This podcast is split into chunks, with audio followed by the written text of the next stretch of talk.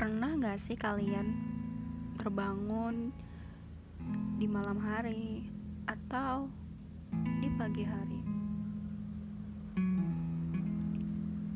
Kalau aku pernah tentu saja terbangun karena sebuah mimpi buruk.